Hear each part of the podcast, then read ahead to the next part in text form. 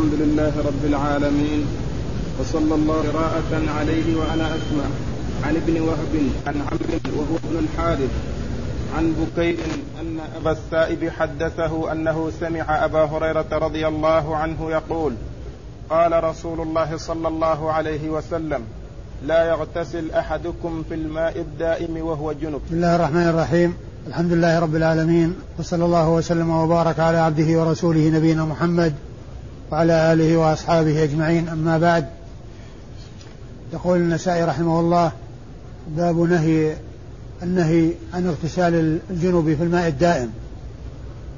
آه المقصود من هذه الترجمة هو آه بيان أن الماء الدائم وهو آه، آه، آه، وهو الساكن الذي لا يجري أنه لا يغتسل فيه الجنب لأن اغتساله به يقدره على غيره ويجعل غيره يجعل غيره يستقذره. فيكون اغتساله به وهو جنب يجعل غيره يستقذره ولا يرغب استعماله. فإذا ابتعد المسلم عن ذلك وأخذ من الماء الدائم و أو اغترف فإنه يحصل مقصوده من الاغتسال وإزالة الحدث الأكبر وتحصل الفائدة لغيره بحيث يستعمله ولا يكون عنده فيه شيء من التوقف من الاستقذار بسبب الاستقذار الذي يحصل بسبب اغتسال الجنوب به. وقد أورد النسائي تحت هذه الترجمة حديث أبي هريرة رضي الله عنه. قال أن, رسول الله عليه الصلاة والسلام قال لا يغتسل أحدكم في الماء الدائم وهو جنب. لا يغتسل أحدكم في الماء الدائم وهو جنب. وهو مطابق للترجمة. الحديث واضح الدلالة على الترجمة لأن فيه نهي الرسول الكريم صلى الله عليه وسلم عن اغتسال الجنب في الماء الدائم.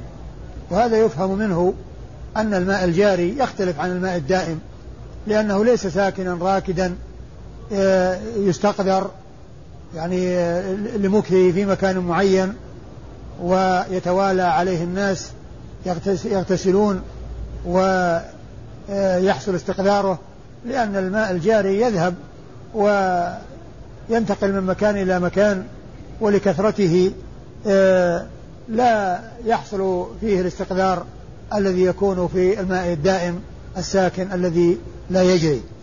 وأما إسناد الحديث يقول سيخبرنا الحارث بن مسكين. الحارث بن مسكين كما عرفنا هو أحد شيوخ النسائي الذين كان يأخذ عنهم الذي كان يأخذ عنه بغير إذنه. وله حالتان. حالة كان قد أذن له وحالة لم يكن أذن له بل منعه وكان بينه وبينه شيء من الوحشة وتعبيره بحالة كونه آه، غير مأذون له كان لا يقول أخبرني وإنما يقول الحارث المسكين قراءة عليه وأنا أسمع ولا يعبر بالإخبار لأنه ما قصد إخباره. والحالة الثانية أنه أذن له ففي هذه الحالة كان يعبر ويقول أخبرنا الحارث المسكين قراءة عليه وأنا أسمع.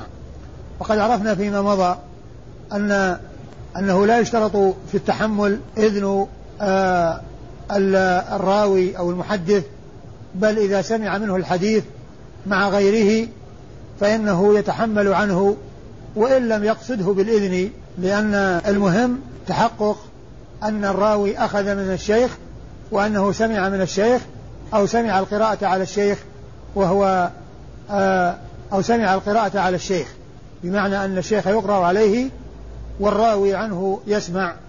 فالحارث المسكين أحد آه، شيخ النسائي الذي أخذ عنه في هاتين الحالتين. وهنا يقول آه، والحارث المسكين هو ثقة فقيه وكان قاضيا في مصر وخرج له أبو وخرج له أبو داود والنسائي. خرج له أبو داود والنسائي ولم يخرج له آه الباقون.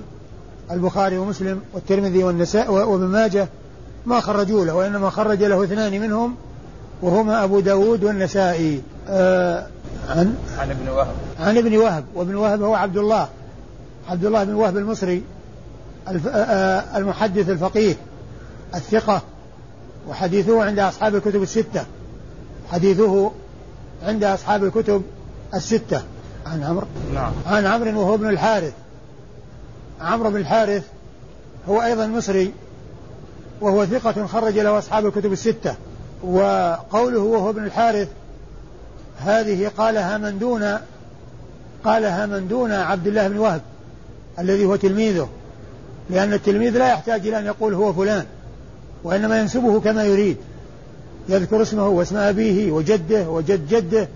وهكذا إذا أراد أن يطيل في نسبه أو يذكر يعني عنه معلومات فإنه يقول ما شاء.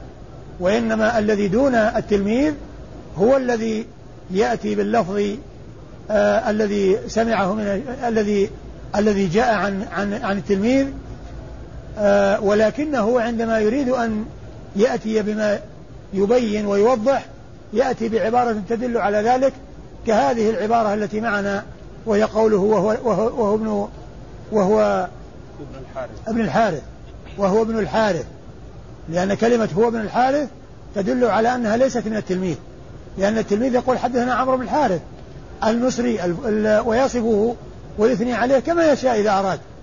لكنه إذا إذا روى التلميذ عنه بلفظ مختصر كان يقول أخبرنا عمرو ولا يقول ابن الحارث من دون التلميذ عندما يريد أن يوضحه يأتي بكلمة هو أو يقول يعني ابن الحارث.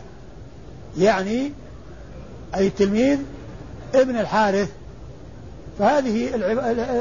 هذه الطريقة التي آه، تسلك وتتخذ عند إرادة التوضيح والبيان ممن دون التلميذ الذي روى عن آه الذي روى عنه. وهو كما قلت مصري يروي عن من؟ عن بكير. عن بكير وهو ابن عبد الله بن الأشج. بكير بن عبد الله بن الأشج. وهو مصري أيضا نزل مصر. وهو ثقة خرج له أصحاب الكتب الستة. يروي عن, عن أبي السائب. يروي عن أبي السائب. وهو عبد الله وقيل إنه قيل إنه عبد الله بن السائب المدني. وهو ثقة خرج له مسلم وأصحاب السنن الأربعة. يروي عن أبي هريرة. وأبو هريرة هو صاحب رسول الله عليه الصلاة والسلام. الصحابي الجليل المعروف بكثرة الحديث عن رسول الله عليه الصلاة والسلام والذي قد روى من الحديث ما لم يروه ما لم يروي مثله غيره فهو أكثر الصحابة حديثا على الإطلاق رضي الله تعالى عنه وأرضاه. وإذا فإسناد هذا الحديث فيه أربعة مصريون أربعة مصريون في أوله وهم الحارث بن مسكين وعبد الله بن وهب وعمرو بن الحارث و و و وبكير. بن عبد الله بن الأشج. هؤلاء أربعة مصريون على ولاء. وبقي في الإسناد اثنان وهما مدنيان. آه، أبو السائب عبد الله بن السائب المدني وأبو هريرة رضي الله عنه فهو مدني. فإذا الإسناد ستة أربعة مصريون واثنان مدنيان. قال الوضوء بماء البحر. وقال أخبرنا قتيبة عن مالك عن صفوان بن سليم عن سعيد بن أبي سلمة أن المغيرة سعيد بن سلمة. نعم. سعيد بن سلمة. أيوه هذا خطأ. عن صفوان بن سليم عن سعيد بن سلمة أن المغيرة بن أبي بردة أخبره أنه سمع أبا هريرة رضي الله عنه يقول سأل رجل رسول الله صلى الله عليه وسلم فقال يا رسول الله إنا نركب البحر ونحمل معنا القليل من الماء فإذا توضأنا به عطشنا أفنتوضأ من ماء البحر؟ فقال رسول الله صلى الله عليه وسلم هو الطهور ماؤه الحل ميتته ثم ورد النسائي هذه الترجمة هي باب الوضوء بماء البحر. باب الوضوء بماء البحر. والمقصود من منها بيان أن البحر ماؤه طهور وأنه يتوضأ به وقد أفتى بذلك رسول الله صلوات الله وسلامه وبركاته عليه الذي سأله عن ذلك. وماء البحر هو ماء طهور كما جاء ذلك في الحديث عن رسول الله عليه الصلاة والسلام. لكن بعض الصحابة كانوا يترددوا في ماء البحر. هل هو مثل الماء الذي ينزل من السماء أو أنه يختلف عنه؟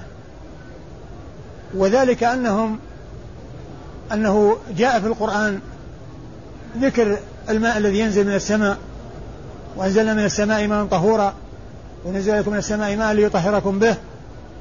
فقد لعله وقع في أذهان بعض الصحابة أن البحر يختلف عن الماء الذي ينزل من السماء والذي يسنبط من الآبار والذي ينزل ينزله الله تعالى يسكنه الله في الأرض ويجعله ينابيع ويستنبط من الآبار.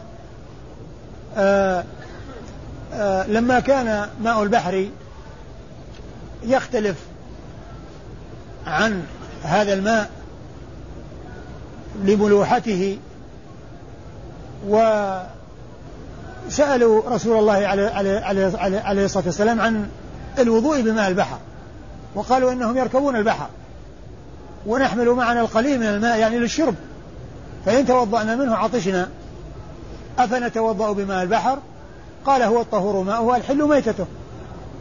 فكون الماء أو ماء البحر فيه الملوحة التي يتميز بها عن غيره في شدة ملوحته وكون القرآن جاء فيه ذكر الماء النازل من السماء وأن الله تعالى جعله طهورا وأنه يطهر به الناس فلعله وقع في أذهان البعض أن ماء البحر يختلف. فسألوا. وهذا أيضا يدل على ما كان عليه الصحابة رضي الله عنهم وأرضاهم من السؤال عن أمور الدين وعن ما يشكل عليهم ويدل على حرصهم على التفقه في دين الله عز وجل ومعرفتهم للأحكام الشرعية. فكانوا يسألون الرسول عليه الصلاة والسلام عما يشكل عليهم وهذا مما أشكل. فسأل رسول الله صلى الله عليه وسلم فأجاب بهذا الجواب. ثم إن جواب الرسول عليه الصلاة والسلام قال هو الطهور ماءه الحل ميتته. وكان يكفي في الجواب أن يقول نعم. لأن السائل قال أفنتوضأ بماء البحر؟ يكفي في الجواب أن يقول نعم. دون أن يأتي بهذا الكلام الذي أجاب به عليه الصلاة والسلام. لكنه أجاب ليبين أو ليقرن الحكم بعلته. وهو أن ماء البحر, البحر طهور وأن يبين أنه طهور كما أن الماء الذي ينزل من السماء طهور كما جاء في القرآن فكذلك ماء البحر طهور. ولهذا قال عليه الصلاة والسلام هو الطهور ماؤه. هو الطهور ماؤه. فعدل عن الجواب بنعم ليبين في الجواب شيئا وهو قرن الحكم بعلته وهي الطهورية وأنه طاهر وأن وأن كونه يتوضأ به لكونه طاهر. فعلته علة الحكم الطهورية وأنه لا يتردد فيه ولا مانع منه بل يتطهر به ماء البحر كما يتطهر بالماء الذي ينزل من السماء. ثم أيضا أضاف إلى ذلك جوابا آخر قد يكون الإنسان قد يتردد قد يتردد قد يحصل التردد بالميتة ميتة البحر كما حصل التردد بماء البحر. فأضاف في الجواب شيئا غير مسؤول عنه لأنه قد يحصل استشكاله فبادر عليه الصلاة والسلام إلى بيان حكمه وهو أنه أيضا حل ميتته. فقال هو الطهور ماؤه الحل ميتته. والحل ميتته هذه زائدة على السؤال ولكنها المقام يقتضيها لأن من أشكل عليه آه، الوضوء بماء البحر فقد يشكل عليه الميتة التي تموت في البحر. فأجاب عليه الصلاة والسلام أو ضمن جوابه ما يدل على أمرين. ففيه زيادة المفتي عن السؤال على السؤال الذي يسأل عنه إذا كان المقام يقتضيه لأن الرسول عليه الصلاة والسلام استفتي عن ماء الوضوء بماء البحر فأجاب بالمقصود وهو الوضوء بماء البحر وأنه يتوضأ به وأنه طهور وأضاف إلى ذلك أيضا أن ميتته حلال. ففي هذا دليل على أن من سئل عن مسألة و آه، فإن له أن يجيب على غير المسألة مما له علاقة بها أو مما قد يستشكل فيضاف إلى الجواب أمر آخر قد يقتضيه المقام فإن ذلك سائغ وفعل الرسول صلى الله عليه وسلم هذا يدل على أنه سائغ. ثم قوله هو الطهور ماؤه هو الطهور الطهور بفتح الطاء وهو اسم للماء الذي يتطهر به وأما بالضم فهو للفعل الذي هو التطهر. الذي هو التطهر.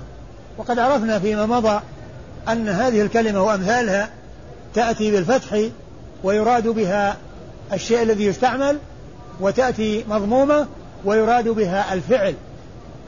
وهذا مثل السحور والسحور والوضوء والوضوء والوجور والوجور والسعوط والسعوط. كل هذه ألفاظ على وزن واحد في حال الفتح يراد بها الشيء الذي يستعمل وفي حال الضم يراد بها الفعل الذي هو التطهر أو كون الإنسان يضع الشيء في حلقه أو يضع في أنفه أو يعني يأكل طعام السحور الذي هو فعل المتسحر الذي يتسحر في آخر الليل ليصوم فبالفتح هو الفعل آه، آه، اسم لما يتسحر به وبالضم هو فعل التسحر الذي هو الأكل. ثم قوله هو الطهور ماؤه هو يعني يدل قوله ماؤه يدل على أنه هو يراد بها المكان ولا يراد بها الماء لأنه لو كان المراد بها الماء وأظهر وأتي بالاسم الظاهر بدل الضمير لصار التقدير الماء طهور ماؤه. الماء طهور ماؤه ولا يستقيم الكلام بهذا. لكن يراد بهو الأولى اللي هي الضمير الظاهر أن المراد بها المكان. يعني المكان الذي فيه ماء البحر. يعني فيكون هذا هو المقصود بالضمير. لأنه لو كان المراد به الماء لصار التقدير الماء طهور ماؤه. الماء طهور ماؤه وهذا لا يستقيم. ثم قوله عليه الصلاة والسلام الحل ميتته. المراد بميتته التي هي حل هي الحيوانات التي لا تعيش إلا به الحيوانات التي لا تعيش إلا به. هذه التي تكون حلالا حيوانات البحر التي لا تعيش إلا في البحر.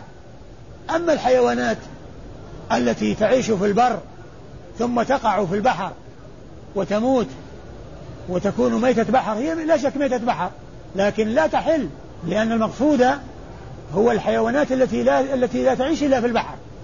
أما لو ذهب شيء من الحيوانات التي تعيش في البر ووقعت في البحر وماتت فيه فيقال لها ميتة بحر لكن لا يقال إنها حلال لأنها مثل ميتة البر مثل ما لو لو ماتت بالبر ومثل لو ماتت في الماء الذي هو ليس بحر لو ماتت في الماء الذي هو ليس من ماء البحر في بركة أو في أي مكان من من الأماكن آه، أو غدير أو آه، يعني آه، مكان فيه مجتمع ماء يعني السيل ومات فيه حيوان فإنه يكون ميتة فكذلك لو مات في البحر الحيوان الذي يعيش في البر سواء كان طيرا أو حيوانا فإن ميتته حرام لأنه لا فرق بين كونه يموت في البحر أو كونه يموت في ماء غير ماء البحر. وإنما المقصود من ذلك ميتته أي الحي... الحيوان الذي لا يعيش إلا به. الحيوان الذي لا يعيش إلا به هو المعني بقوله عليه الصلاة والسلام الحل ميتته. والحل بمعنى الحلال يعني أي حلال ميتته أي حلال ميتته. وقد جاء في حديث آخر يعني يدل على حل ميتة البحر وهو قوله عليه الصلاة والسلام أحلت لنا ميتتان ودمان فأما الدمان فالكبد والطحال وأما الميتتان فالجراد والحوت. وأما الميتتان فالجراد والحوت فإن هذا أيضا دال على حل ميتة البحر كأيضا كما دل عليه نفس الحديث الذي معنا وهو حديث أبي هريرة آه، آه، المتعلق بماء البحر. هو الطهور ماؤه الحل ميتته. أما إسناد إسناد الحديث يقول النسائي أخبرنا قتيبة. يقول النسائي أخبرنا قتيبة وهو قتيبة بن سعيد. الذي مر ذكره كثيرا وهو ثقة خرج له أصحاب الكتب الستة عن مالك وهو ابن أنس إمام دار الهجرة. الثقة المحدث الفقيه الإمام صاحب المذهب المشهور وحديثه عند أصحاب الكتب الستة. عن صفوان بن سليم؟ نعم. عن صفوان بن سليم.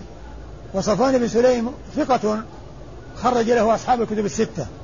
ثقة خرج له أصحاب الكتب الستة. عن سعيد بن سلمة؟ نعم. عن سعيد بن سلمة وسعيد بن سلمة هذا ثقة خرج له أصحاب السنن الأربعة.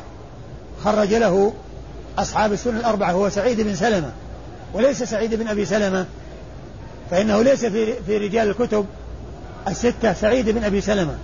وقد مر هذا الحديث نفسه فيما مضى وفيه سعيد بن سلمة على الصواب. وفي سعيد ابن نعم رقم 59 في رقم 59 مضى الحديث في برقم 59 وفيه سعيد بن سلمة. وهنا سعيد بن أبي سلمة يعني ذكر أبي هذه آه، خطأ بل ليس في رجال الكتب الستة من يسمى من هو سعيد بن أبي سلمة وإنما فيها سعيد بن سلمة وهذا وغيره وهو المخزومي وهو ثقة خرج له أصحاب السنن الأربعة. يروي عن المغيرة بن أبي بردة. يروي عن المغيرة بن أبي بردة. يروي عن المغيرة بن أبي بردة. وهو أيضا ثقة خرج له أصحاب السنن الأربعة. خرج له أصحاب السنن الأربعة كالذي روى عنه سعيد بن سلمة. و عن أبي هريرة؟ نعم. يروي عن أبي هريرة وهو الصحابي الجليل الذي مر ذكره في الحديث الذي قبل هذا. وهذا الحديث صححه جماعة كثيرون من أهل العلم. وقد ذكر الحافظ بن حجر في تهذيب التهذيب في ترجمة المغيرة بن أبي بردة سمى عشرة من المحدثين صححوا الحديث. وقال قال وغيرهم. يعني بعدما سرد عشرة سماهم قال وغيرهم. يعني معناه أن فيه من صحح غير هؤلاء العشرة. وقد ذكر ذلك في آخر ترجمة آه، المغيرة بن أبي بردة. المغيرة بن أبي بردة هذا الذي هو يروي عن أبي هريرة ذكر الحافظ بن حجر في ترجمته أن حديثه في الوضوء بماء البحر صححه فلان وفلان وفلان وسرد عشرة ثم قال وغيرهم.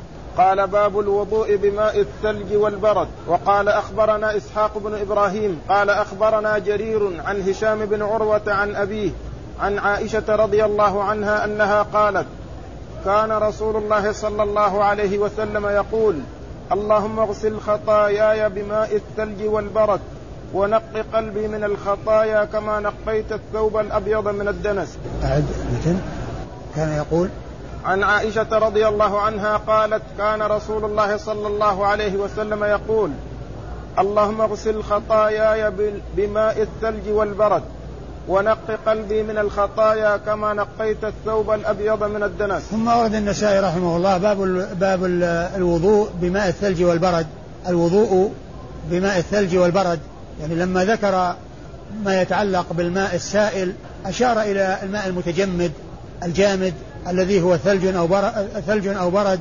والبرد هو الذي ينزل من السماء يتجمد في الجو ثم ينزل كالحجارة. فهذا هو البرد والثلج آه هو قد يتجمد وقد لا يتجمد لأن من الثلوج ما يجمد ويصير آه كالحجارة أو يكون يعني مثلا الماء عندما يجمد يعني آه يتجمد أعلاه ويكون أسفله ما وصل إليه التجمد وقد يتجمد كله وقد يكون آه يعني آه يكون شيئا يقع بعضه على بعض من غير أن يتجمد. وقد يصل إلى أمتار يعني على هذا النحو ويوجد في بعض البلاد الثلوج على هذه الطريقة بعضه فوق بعض بحيث لا ترى السكك ولا ترى الطرقات ولا ترى الأشجار ولا يرى النبات يعني كالقطن بعضه فوق بعض. والناس يمشون فيه كما يمشون في في الزرع أو في أشياء يعني تدخل أرجلهم وتخرج يعني يمشون فيه. فهذا هذا يقال له ثلج. فمنه ما هو متجمد يتجمد بسبب البرد ومنه أيضا ما لا يتجمد ولكن يكون بعضه على بعض كالقطن. فهذا كله يقال له ثلج والذي ينزل من السماء متجمدا يقال له برد. وكل ذلك يتوضأ منه لأنه ماء.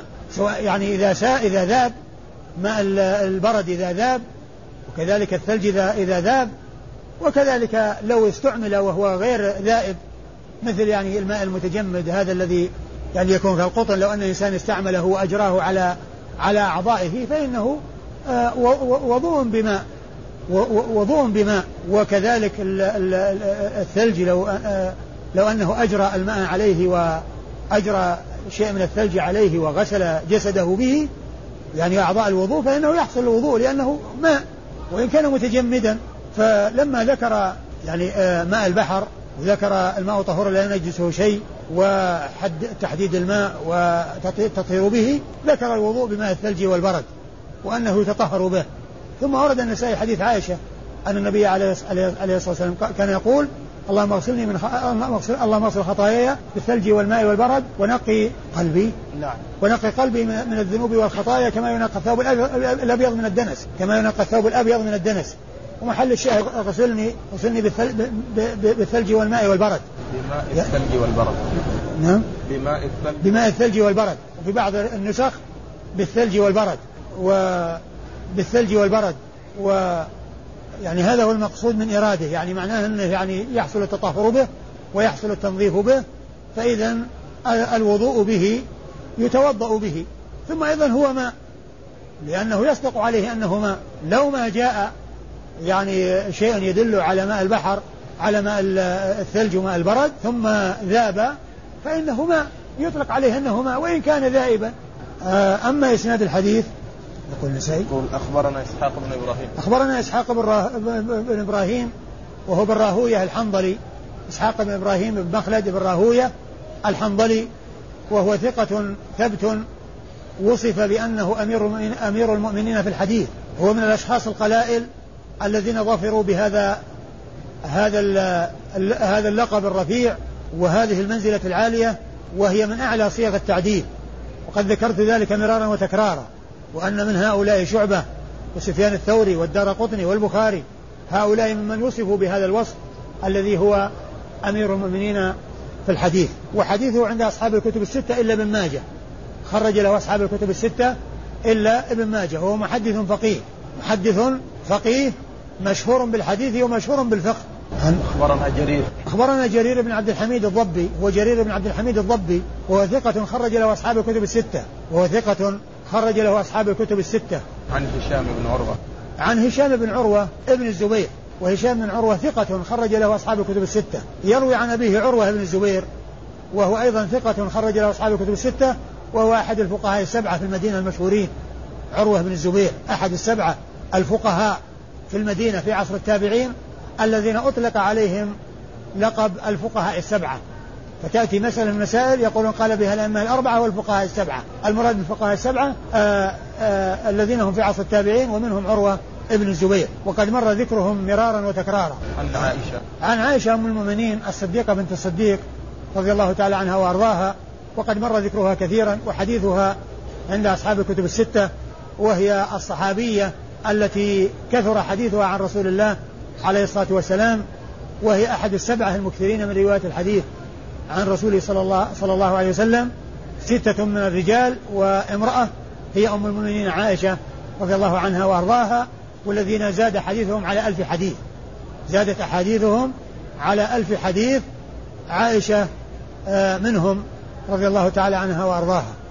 وهذا الإسناد آه، رواته من دون الصحابية كلهم ثقات ورواته كلهم خرج لهم أصحاب الكتب الستة إلا شيخ النسائي إسحاق بن إبراهيم بن راهوية فإنه لم يخرج له ابن ماجه وحده وقد خرج له الباقون كما عرفنا نعم.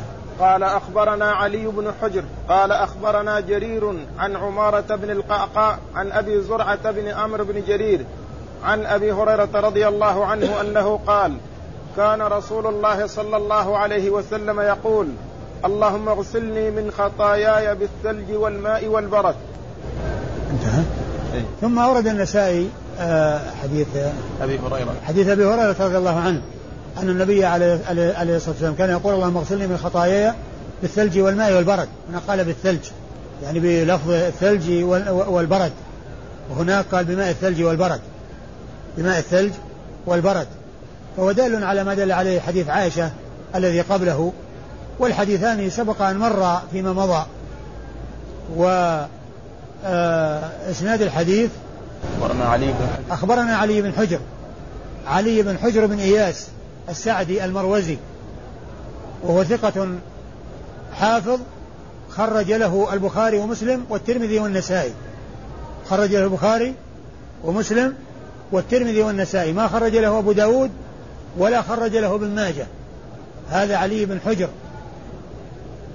والإمام مسلم رحمه الله أكثر من الرواية عنه. أكثر من الرواية عن علي بن حجر. آه عن أخبرنا جرير. أخبرنا جرير وهو ابن عبد الحميد. الذي مر في الإسناد الذي قبل هذا. وهو جرير بن عبد الحميد الضبي ثقة خرج له أصحاب الكتب الستة.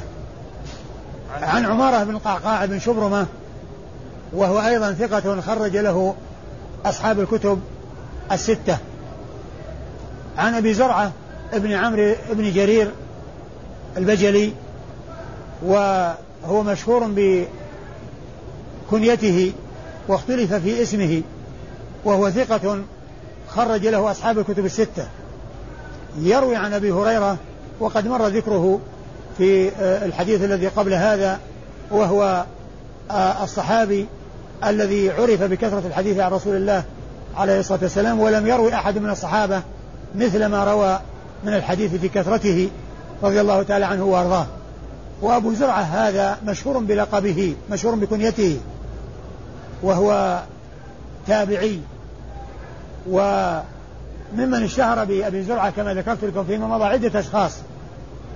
منهم أبو زرعة الرازي وأبو زرعة الدمشقي ومن المتأخرين كثيرا أبو زرعة العراقي ابن ابن عبد الرحيم آه، ابن الحسين صاحب الألفية ابنه فهو أبو يلقب بأبي زرعة.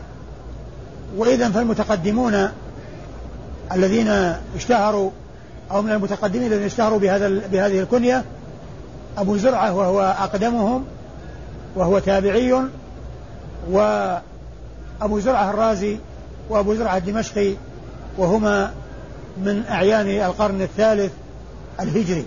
والله تعالى أعلم وصلى الله وسلم وبارك على عبده ورسول نبينا محمد وعلى آله وأصحابه أجمعين.